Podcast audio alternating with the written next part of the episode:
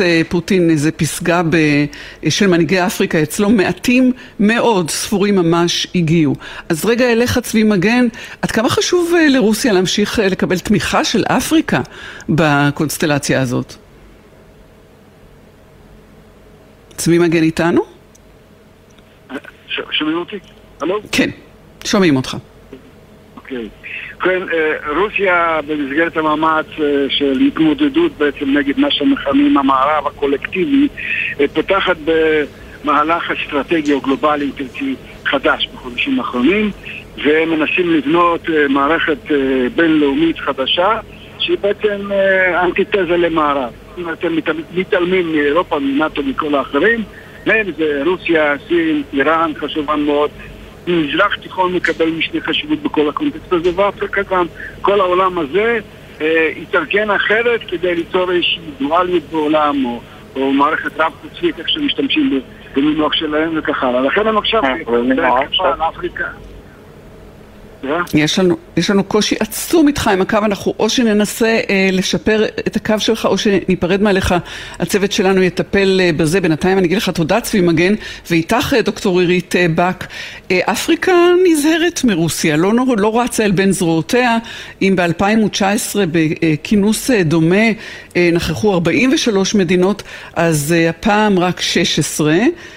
שזה אפילו פחות מחצי, מחצית מספר בפעם שעברה ב-2019. מה אנחנו מבינים מזה, דוקטור בק? אני רוצה רק לציין שבעצם כן נכחו מרבית המדינות, אבל לא בדרגים של ראשי מדינות. רוב המדינות כן שלחו נציגים, אבל בדרגים נמוכים יותר, באמת ב-2019 הגיעו כמעט כל ראשי המדינות. עכשיו, כמובן שאנחנו לא מדברים על מקשה אחת באפריקה ויש מנהיגים שונים עם עמדות שונות. רוסיה בוודאי מנסה לחזק את האחיזה שלה בקרב מדינות אפריקה, אבל צריכים גם להבחין שאנחנו מדברים על...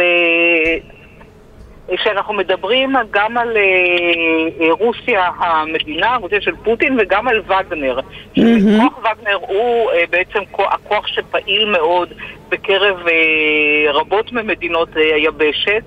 ולאור מה שקרה ברוסיה, המתחים הפנימיים, קשה לדעת עכשיו בעצם מי פועל, כי יש גם שמועות שראש כוח וגנר בעצמו נצפה בכנס הזה, אז קשה לדעת מטעם מי. מה, בכנס הזה בסנט פטרסבורג? הוא היה, הוא היה כן, בסנט כן. פטרסבורג? אומרים, יש שמועות שהוא נצפה שם גם. בגלל ה... ויצא בחיים? כנראה. זה מעניין אם כן. כן, אה, כך קראתי בכל מיני מקומות, הם צריכים לוודא, אבל ככה אה, גם, גם תמונות אה, אפילו יש.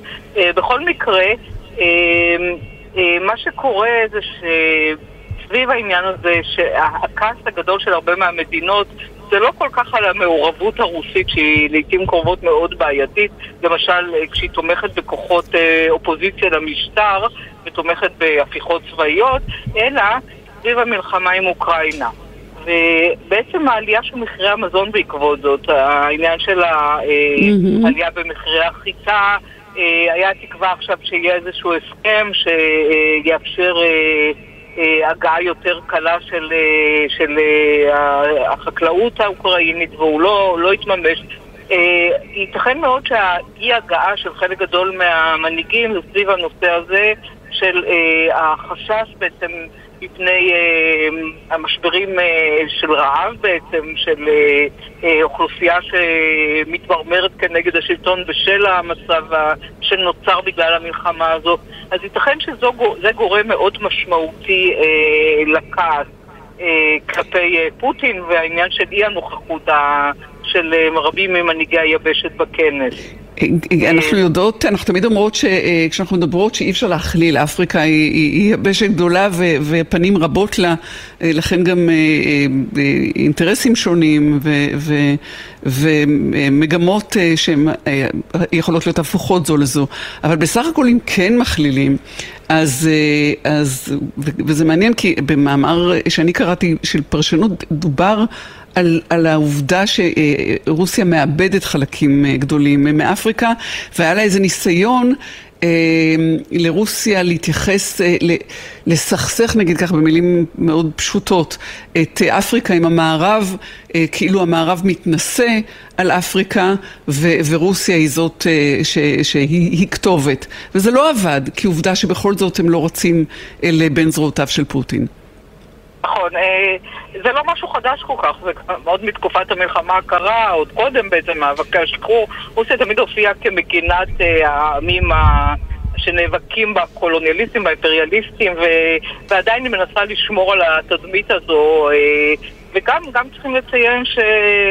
המערב נסוג מהרבה חלקים מאפריקה, צרפת עכשיו, ההפיכה שהייתה בניג'ר, אה, יש, כן. אה, יש אה, דעיכת הכוח המערבי, חוץ מהקש שיש על הקולוניאליזם וכדומה, יש דעיכה בסיוע המערבי, בנוכחות גם הצבאית, ואז באמת יש ואקום, אז בתוך הוואקום הזה לפעמים נכנס באמת כוח וגנר ונכנסים כוחות נוספים, אבל אולי באמת העניין של פוטין, הרצון שלו להראות, הנה, יש לי הרבה מאוד תומכים במלחמה, אני אוכל להתגבר על סנקציות ועוד אה, בעיות, אה, הוכח כסוג של אה, כישלון בוועידה. בהחלט. באמת שמרבית מנהיגי היבשת לא הופיעו, ובאמת אנחנו רואים שינוי לפני שפרצה המלחמה ובימינו, ובאמת יש כאן הבדל מאוד משמעותי בנוכחות, וזה מצביע באמת על ה...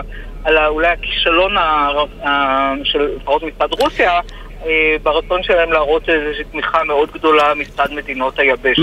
וכמובן שיש לא לתמוך ברוסיה ויש לתמוך באופן אקטיבי באוקראינה בכל מיני הצבעות, גם אה, באו"ם ובכינוסים בינלאומיים, וגם שם אנחנו רואים שמדינות אפריקה נמנעות, אה, חוץ ממדינות מנודות, כפי שהן מכונות לפחות בפרשנויות, אריתריאה ומאלי. גם הן לא הצביעו, תמיד האחרות נמנעו. והיו גם את כן. אלה שהצביעו עם אוקראינה. אה, נכון, אה, בהחלט אה, יש מדינות היום שהקו שלהם יותר גלובלי, אוניברסלי, משתלב עם המדיניות של רבות ממדינות המערב באג'נדה הגלובלית, ואולי גם מעבר לאינטרסים שקשורים למשברים הכלכליים סביב המלחמה בין אוקראינה ו... ברוסיה יש כאן אה, אמירה לגבי הנושא של, אה, של, ה, של החוסר צדק על ה, במלחמה הזו. ו- ו- וגם אה, פשעי המלחמה שמתבצעים שם, בחלק ממדינות אפריקה לא נוח עם, ה- עם הנושא הזה גם. רצינו לשמוע גם את השגריר לשעבר צבי מגן, אז הוא הספיק ואמר שרוסיה מחזרת אחרי אפריקה כי היא בונה מחנה לעומתי. אה, למערב, ו, ואת אומרת החלוקה הזאת היא, היא פחות, אה, היא, היא, לא, היא לא דיכוטומית ב, באפריקה. נכון, אה, נכון, אנחנו כן. רגילים שהרבה פעמים בעבר הייתה הצבעה של גוש אחד והיום הצבעה יותר אולי אינדיבידואלית ובאמת מעניין התהליך הזה שקרה כאן על ההצבעה הזאת ברגליים. כן, זה בהחלט מעניין, במיוחד בימים אלה, כפי שאמר צבי מגן ועוד הספקנו זאת לשמוע, יש אה, רצון אה, גם רוסי וגם אוקראיני, בסופו של דבר הוא מעריך להגיע לאיזושהי, אה, לאיזשהן הסכמות, להפסקת הלחימה הזאת שלא לוקחת אף אחד לשום כיוון, ואז נכון. כן. כל אחד צריך להרגיש שהוא בכל זאת השיג איזה שהם נכסים. אה, מעבר לאלה הטריטוריאליים במלחמה הזאת. מעניין, טוב, אמרת, הזכרת את, את הרעב באפריקה, דיברנו גם על זה, אולי משפט, כי אני, השיחה הבאה שלי תעסוק אה, בחמסין ובחום היוצא דופן, אה, אירוע מזג האוויר הזה, הקיצון. והמשמעויות שלו לביטחון, אז, אז אפריקה ורעב ותנועת תושבים. כן, אה, אני חושבת ששני אזורים נפגעים במיוחד מהמשבר הגלובלי האקלימי, וזה האזורים, האזור של קרן אפריקה והאזור של הסאהל וגבול מדבר הסהרה, למשל ניג'ר, המדינה שהייתה בה עכשיו הפיכה. חלק מהסיבות mm-hmm. זה העניין של ההידרדרות הכלכלית המאוד מהירה ושילוב גורמים בינלאומיים.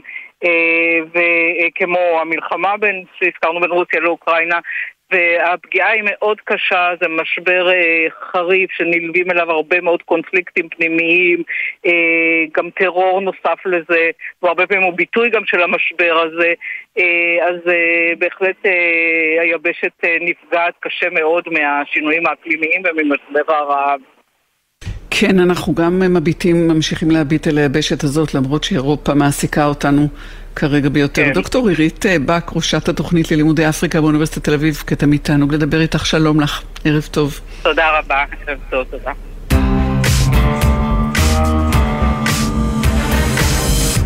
דוקטור ברוך זיו, חוקר אקלים מהאוניברסיטה הפתוחה, שלום לך. שלום רב. בעוד uh, ערב חם, uh, uh, 30 ביולי, תכף מחר יסתיים חודש שהוכתר כבר כחם ביותר uh, עלי uh, אדמות. Uh, ואנחנו כן, שואלים, uh, כן, עלי אדמות uh, רותחות, ואנחנו שואלים איך... עד כמה אה, מעורער, מתערער הביטחון לנוכח האירוע, אירוע הקיצון הזה, כפי שהוא מכונה הביטחון מתערער כתוצאה מדברים שמאיימים על כלכלתם של מדינות. יש סיפור שלא נוגע דווקא לחום, אלא לבצורות. אחת התיאוריות לגבי פרוץ מלחמת האזרחים בסוריה אה, מתחילה מבצורות שפקדו את סוריה ושמוסברות כחלק מהשינוי האקלימי וגרמו לחקלאים שאיבדו את אה, פרנסתם לנהור לאזורים העירוניים וליצור לחץ פוליטי. אז אה, מהדבר הזה, ברגע שמדינה ערבית גדולה כמו סוריה, או כל מדינה אחרת, נתונה ללחץ מהסוג הזה, זה יוצר אה, הפרת איזון ביטחוני בכל האזור. עכשיו, אם נדבר על השכנים שלנו, אז למעשה באזור שלנו יש שתי סכנות. אחת שהיא ברורה, בולטת ואנחנו סובלים ממנה, זה טמפרטורות גבוהות מאוד. והדבר הזה גם יותר, אה, גם הוא לחץ, שקשה יותר לחיות באותן מדינות, ובאזור שלנו יש מדינות שהאקלים שלהם קשה גם מלכתחילה, שלא לדבר על מה שהולך להתפתח בהמשך. והבעיה השנייה היא שיטפונות. שיטפונות עלולים לגרום נזקים אדירים. אנשים לא כך זוכרים, אבל לפני uh, כמה חודשים היו במפרץ הפרסי וגם בסעודיה עצמה שיטפונות שהיו ממש חסרי תקדים. גרמו נזקים עצומים לתשתיות. וגם זה יכול ליצור לחצים ומשברים רציניים מאוד. יש גם בעיה שלישית, וזה בצורת, אבל המזרח התיכון הוא, הוא אזור בצורתי מטבע הווייתו, ולמען הדוגמה, אז ישראל פתרה את הבעיה במידה רבה על ידי התפלת מים, ואני מקווה שהמדינות השכנות עושות את זה בקצב דומה אה, גם לעצמם. המצרים למשל ניזונים מהנילוס, אבל אין מה שימנע מהם להתפיל מים, יש להם ים תיכון, חוף ים גדול. זה, זה אח, אחד, אחד מה, אה, מהחזונות או התקוות הגדולות הוא שנושא התפלת מים יקרבו אה, בין המדינות. אני חושבת שיש כבר שיתופי פעולה מהסוג הזה עם אה, השכנות הסמוכות אלינו, ובוודאי עכשיו עם מזרח התיכון החדש, איתו פתחנו את התוכנית, אז יש סיכוי שהידע הזה יורחב וישתמשו בו גם במקומות אחרים. אני כן שואלת אותך, עד כמה, עד כמה חוקרי אקלים מעורבים באופן מעשי בהיערכות של מדינה, ישראל במקרה שלנו. כן. אני מודה שלפי ההתרשמות שלי, אחוז המומחים לענייני אקלים בצוותים שמתעסקים במגעים בינלאומיים, בתכנון, בייעוץ, אחוז הוא נמוך מאוד. בדרך כלל לוקחים בתור איזושהי נקודת מוצא מסקנות ספציפיות שלמשל השירות המטרולוגי הגיע אליהם, או שה-IPCC, שזה הארגון הבינלאומי לשינוי אקלים, יפיץ אותם, ועם זה הולכים הלאה ולא מתייעצים מעבר לזה. אני יכול להעיד שכשם שיש מדענים שקצת מפקפקים בחלק מהממצאים או בחלק מהמסקנות, יש גם מדענים, ואני אחד מהם, שמוצאים כל מיני דברים שהם קצת משנים את הפרטים וכדאי לבדוק גם את האופציות האלה. הממצא שלמשל אני אה, מצאתי בשיתוף פעולה עם כמה מדענים היה שהעונת הגשם מתקצרת. שכמות הגשם העונתית לא נמצאת בירידה עדיין, למרות שכבר שנים חוזים שזה מה שיקרה, אבל לעומת זאת, העונה מתקצרת. הגשם מתמקד ומתרכז בשלושת החודשים המרכזיים ונגרע מעונות המעבר. הדבר הזה יוצר לחקלאות ויוצר לכל מיני גורמים תנאים, אה, תנאים קשים יותר, מאריך את תקופת ההשקיה, ומשנה כל מיני פרטים, זה גם קשור לפריחה, זה לא כך קשור לביטחון באופן ישיר, אבל זה קשור לתשתיות וזה קשור לכלכלה באופן ברור. הדברים האלה לא מספיק מטופלים. אז זה, זה גם דוגמה שכדאי להתייעץ ולבדוק אופציות ולהיערך גם אליהם. אנחנו יודעים שהמל"ל, המטה לביטחון לאומי וגם אה, רח"ל, רשות החירום הלאומית, אה, באחרונה, רק לפני מספר חודשים, אה, נכנסו לעובי הקורה והחלו ב... להתייחס באופן מעשי ובשורה של נהלים ותקנות גם למעקב אחרי השינויים האקלימיים וגם בהיערכות למצבי הקיצון האלה. וזה ביטחון ברמה הכי בסיסית, הביטחון האישי של כל אחד מאיתנו, אבל גם כמובן הביטחון הלאומי ברמת אה, אה, התשתיות וב... אה, וגם בתשתיות שיינזקו במצבים של, כשאתה מתאר שיטפונות מצד אחד או שריפות מצד אחר, וגם באופן שבו יש פוטנציאל התלקחות בין, בין אוכלוסיות, אזורי, בגלל היעדר משאבים וצמצום משאבים. אה, ואז השאלה באמת, עד כמה אתם, אה, חוקרי האקלים, מעורבים בזה ומוצאים אוזן קשבת, נדמה שקצת יותר היום, אבל אולי אני רק רוצה להאמין כך. תראי, אה, יש לפחות דבר אחד שאני אגיד לחיוב, שהשירות המטרולוגי, יש שם ממש מחלקה שלמה שעוסקת בזה, ועובדים שם אנשים רציניים. ואני מכיר אותם, וגם יש דיבור בינינו לבינם, זאת אומרת אין נתק. אני, אני מרגיש שיש פחות עירוב של האקדמיה, אבל השירות המטרולוגי למזלנו עושה עבודה לא רעה בכלל והם אה, מגדירים כל מיני תרחישי קיצון ועל פיהם בונים כל מיני היערכויות לתרחישי קיצון. כך שמבחינה זאת אני מרגיש שאנחנו מטופל, מטפלים לא רע במצב. מה שאנחנו פחות נקווה. מטפלים זה כן. הפקת אנרגיה, הפקת אנרגיה באופן שלא תחמם את כדור הארץ וזה אנחנו פחות טובים למרות שיש לנו פוטנציאל מאוד טוב ל- ל- להשתפר בעניין, וזה הפקת אנרגיה מהשמש. כן, אמן שנעשה גם את זה. דוקטור ברוך זיו, חוקר אקלים מאוניברסיטה הפתוחה, תודה שדיברת איתנו, שלום. שלום שלום.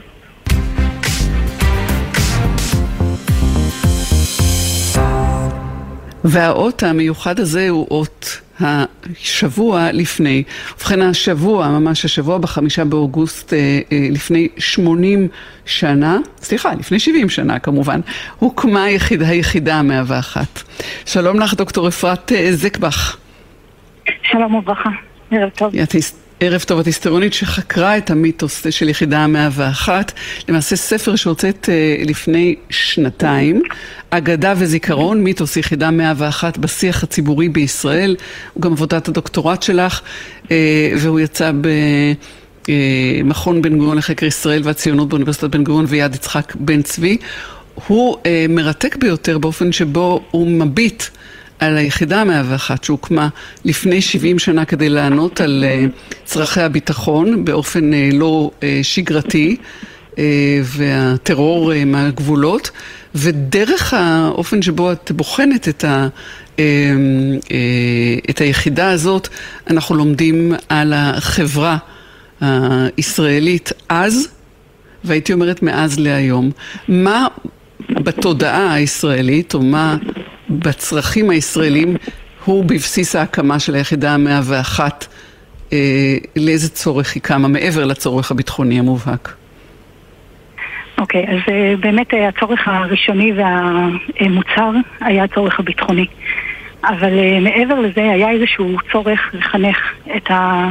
Uh, לא הייתי מחנך, אבל בעצם uh, באמצעות היחידה ובאמצעות ההצלחות שלה לחנך את הצבא ואת החברה הישראלית בכלל לערכים של גבורה, הקרבה uh, ונאמנות למדינה. זה לחנך מצד אחד ומצד שני, האתוס של אה, המאה ואחת הוא לא היה של אה, הצבא השגרתי ושל אה, הסדר הצבאי השגור, להפך, אלא חשיבה מחוץ לקופסה והתייחסות שאתגרה, בואי נאמר כך, גם את המשמעת וגם את הקונבנציות של מותר ואסור.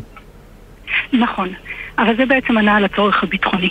כי אם אה, נחזור אה, לתקופה שלפני הקמת היחידה, ממלחמת העצמאות ועד, ועד לאוגוסט 1953, אז הוקמה היחידה, אפשר לראות שבעצם צה"ל לא הצליח לעמוד במשימות ש, שהוגדרו לו.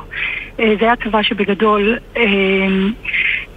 סבל מהרבה מאוד אה, בעיות של נפקדות, של אה, חוסר עמידה ביעדים צבאיים, של אה, בריחה, של חוסר של תקשורת לקויה.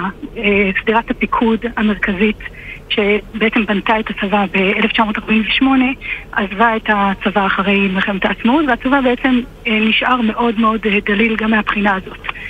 עכשיו, על רקע המצב הביטחוני, היה צריך להקים יחידה שתדע להתמודד, כמו שאמרת, בדרכים לא סטנדרטיות עם המצב הביטחוני. ו, וכאן אה, בעצם היחידה פעלה, אה, ולא תמיד אה, פעלה כמו שציפו ממנה, אלא פעלה הרבה יותר. אגב, לשמחתו הרבה של דיין שהיה, שהיה הרמטכ"ל בסוף התקופה שלה, ולשמחתו הרבה גם של דוד בן גוריון. אה, זאת אומרת, בעצם אה, סוף סוף הייתה יחידה שפעלה, שעשתה מעבר למה שציפו ממנה, שלא חזרה עם תירוצים למה הם לא ביצעו ולמה הם לא עשו, וזה ענה על הצורך הביטחוני. עכשיו, את צודקת שגם היו לזה אה, משמעויות והשלכות מוסריות שבאותה עת הודחקו. זהו, בואי קודם ניתן את הקרדיט למי שמגיע לו, אז כמובן שאריאל שרון היה אז רב סרן ופיקד, הוא אה, הובא לפקד על היחידה החדשה שהוקמה, אה, כמה דמויות, אה, שלמה באום, גוליבר, מאיר ארציון, אנשים שהם היו אמיצים מאוד, על זה אין שאלה ואין בכלל ספק. וגם אומנם אנשי צוות, אבל גם אינדיבידואליסטים. מאוד, אה, שואלים בודדים שפעלו ו, ויצרו קודים משלהם. אני רוצה לשאול אותך על ההשפעה של המיתוס של המאה ואחת על ניסוח הפרופיל הערכי והמוסרי של הלוחם. זאת אומרת, אנחנו מדברות על היום לפני 70 שנה, בחמישה באוגוסט לפני 70 שנה, אבל איך אנחנו, איך, איך את רואה סימנים לזה עד היום? איפה, איפה סימני הדרך שהשאירו? אוקיי. Okay. אז בעצם אה, את שואלת מה הערכים שהנחילו אה, לוחמים. ערכים, אה, כן, וגם על, את יודעת, הדילמות, סטנדרטים של לחימה מצד אחד, וגם דילמות ערכיות, מוסריות, והגמשת הגבולות הללו. אנחנו יודעים. אוקיי. אז בואי נאמר ככה, ליחידה 101 יש דימוי של יחידה פרועה. כאלה שעשו בצורה קצת... אה, שעשו מה שהם רוצים, שהם עשו מה שבראש שלהם, אבל זה לא מאוד מדויק. אה, גם בתוך אה, לוחמי יחידה 101 היו דעות שונות והיו עמדות שונות. היו אנשים שסירבו לבצע פעולות מסוימות אם הם ראו שהן לא מוסריות בעיניהם. זאת לא הייתה יחידה ש... שכמו הדימוי שלה ירתה בכל מה שזז. זאת אומרת, זה, זה ממש לא מה, ש, מה שהלך שם ביחידה.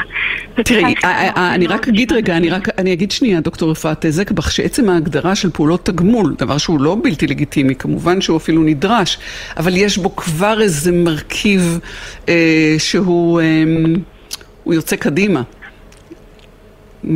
כן, עין תחת עין. זה לא חידוש, זהו, זה שפעולות תגמול זה לא חידוש של יחידה 101. ברור שלא. גם לפני אה, הקמת היחידה, אה, בעצם כבר ממלחמת העצמאות, אה, כן. פעולות תגמול. אבל כן, בוא נאמר שהיציאה מחוץ לגדר, העיסוק במתקפה mm-hmm. ולא רק במגננה, הדילמות המוסריות וה, וההתעסקות בדילמות מוסריות, היוזמה, ההקרבה עד ביצוע המשימה, אלה דברים שהם לחלוטין של יחידה 101. זאת אומרת, יחידה 101 הקנתה אותם לצה"ל. אוקיי, okay, כשאת אומרת, זה היה דימוי, אבל לא בהכרח אה, זו הייתה אמת לגבי, לא החפיפניקיות, אבל אמ, החוסר אמ, משמעת נניח, הגבולות הגמישים האלה. עצם זה שזה היה הדימוי, זה שירת איזו, תכל, איזו תכלית. בואי נתחיל מזה שעצם זה שזה היה דימוי אומר שיש בזה גרעין של אמת. גם גרעין של אמת וגם זה שירת איזו תכלית. נכון, נכון. אמ, זה שירת את התכלית של... אה, שוב, אני, אני לא בטוחה שזה מה ששירת את התכלית. אני חושבת שדווקא את ההיבט הזה של אה, חוסר המשמעת, מנהיגי הצבא היו מעדיפים אה, להצניע ולא להבליט. זאת אומרת, אני חושבת שזה שירת את התכלית הביצועית, אני לא חושבת שזה שירת את התכלית החינוכית. אוקיי. Okay. אה, אה, אה, זה שירה, זה לא שירת את... כאילו זה. לא, לא, תשמעי, את חוקרת, אני לצורך העניין ליימן, אני צרכנית של החומר הזה, כן. ומה שספגתי כמו כל האחרים, אבל השאלות והמחקר שלך הוא כל כך חשוב, כי הוא נותן, הוא מביט על הדברים כהווייתם, וגם הוא מזכיר שבמשך השנים היה תהליך של רוויזיה למאה ואחת. אז זהו, אז אם, אם באמת אני יכולה אה, אה, להתמקד שנייה במה זה מיתוס ו, ומה הרכיבים של מיתוס. כי מיתוס זה לא אומר שהסיפור הוא לא נכון. זה פשוט אומר שזה סיפור אה, שיש לו משמעות מאוד מאוד מהותית לקהילת הזיכרון, לחברה הזוכרת. וכשמפרקים את המיתוס, רואים שהמיתוס מורכב משלושה רכיבים מרכזיים. מדמויות שהן דמויות אגדיות, ואת הזכרת כמה מהדמויות האלה, מאירועים שהם אירועים מאוד משמעותיים, אני יכולה לציין לדוגמה את אה, פעולת קיביה, אני יכולה לציין לדוגמה mm-hmm. את, ה, את פעולת הנקם של מאיר הר ציון אחרי אה, רצח אחותו, אה, ופעולות נוספות כאלה. ואולי המרכיב החשוב ביותר זה המרכיב הערכי. זאת אומרת, מיתוס חייב לייצג ערכים שהם משמעותיים לקהילת הזיכרון, ושה, ושקהילת הזיכרון מזדהה איתם. וברגע שהערכים של קהילת הזיכרון משתנים, משתנה גם היחס למיתוס. עכשיו, בתהליך של בניית מיתוס, יש ערכים שמועצמים ויש ערכים שמוצנעים, ובהקשר לשאלה הקודמת, אני דווקא חושבת שחוסר המשמעת זה היה ערך שהוצנע, ולעומת זאת הדבקות במשימה והקרבה עד מוות, אה, אלה ערכים שהועצמו והועדרו. עכשיו, כמו שציינת נכון, באמת במהלך השנים, אה, המיתוס הזה עבר שינויים. זאת אומרת, אם בשנות החמישים אה, גם הצבא וגם הנהגת המדינה פעלו כדי להעצים את המיתוס ממניעים בעיקר חינוכיים, אבל גם פוליטיים וגם ביטחוניים, אה, לקראת אמצע שנות ה-60 אנחנו יכולים לראות שיש ירידה אה, מסוימת.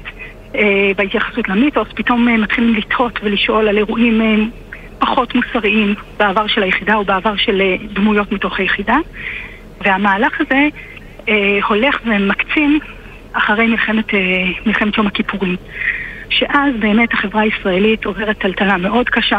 ונשאלת השאלה האם האתוס הביטחוני הוא האתוס המרכזי אה, והאם אין אולי אתוסים חלופיים, ופתאום גם הפעילות הפוליטית של אה, בעיקר שרון ומאיר הר ציון אה, מעוררת תהיות ושאלות. האם אלה הדמויות שאנחנו באמת רוצים להעריץ? וכמובן זה הולך ומחמיר ומחריף, היחס בעצם ליחידה הולך ופוחת או יותר נכון נהיה סקטוריאלי, אחרי, במהלך ואחרי מלחמת אה, לבנון הראשונה, ושם בעצם אנחנו רואים את נקודת המפנה שבו המיתוס הופך ממיתוס אה, מכונן, מאחד, למיתוס ש... שהוא מיתוס סקטוריאלי וניצי. אין מרתק מזה, ועוד יכולנו להמשיך כהנה וכהנה, רצועה מורחבת בת שעה, ועדיין יכולנו לדבר עוד ועוד. דוקטור אפרת זקבך, היסטוריונית, אה, אה, ומי שפרסמה את הספר אגדה וזיכרון מיתוס יחידה 101 בשיח הציבורי בישראל. תודה לך על השיחה הזאת, שלום לך. תודה רבה, להתראות. שלום, מפיקה ראשית של רצועת הביטחון נונה, והפיקו ורדי שפר ואליעזר ינקלוביץ' על הביצוע הטכני היה אורי ריב, בפיקוח גרם ג'קסון, בין המפיקות גם שיר דוד, נזכיר גם אותה. תודה רבה לכם כולכם, אני טלי ליפקין צ'חק, נהיה כאן גם מחר. היי ושלום. בחסות אייס, המציע לכם את מבצעי שיא הקיץ. כמו מאוורר בריזה כולל תאורת לד שבמבצע ב-199 שקלים. אייס. נשמע, נשמע, סוף השבוע,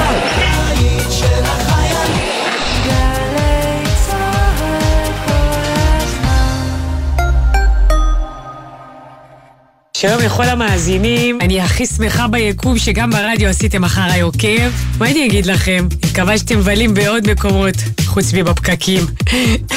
סתם, זה לא יפה, וואי, אני לא בסדר, זה לא...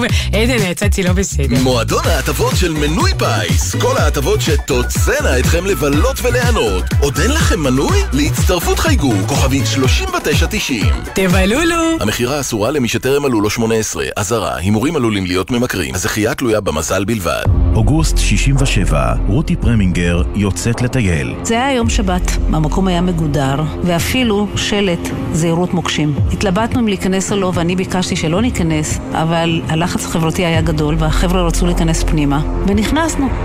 ובום. אחרי הבום הייתה דממה, באותו רגע ראיתי שאין לי רגל. גדרות הנושאות סימן משולש ושלט צהוב לא חוצים.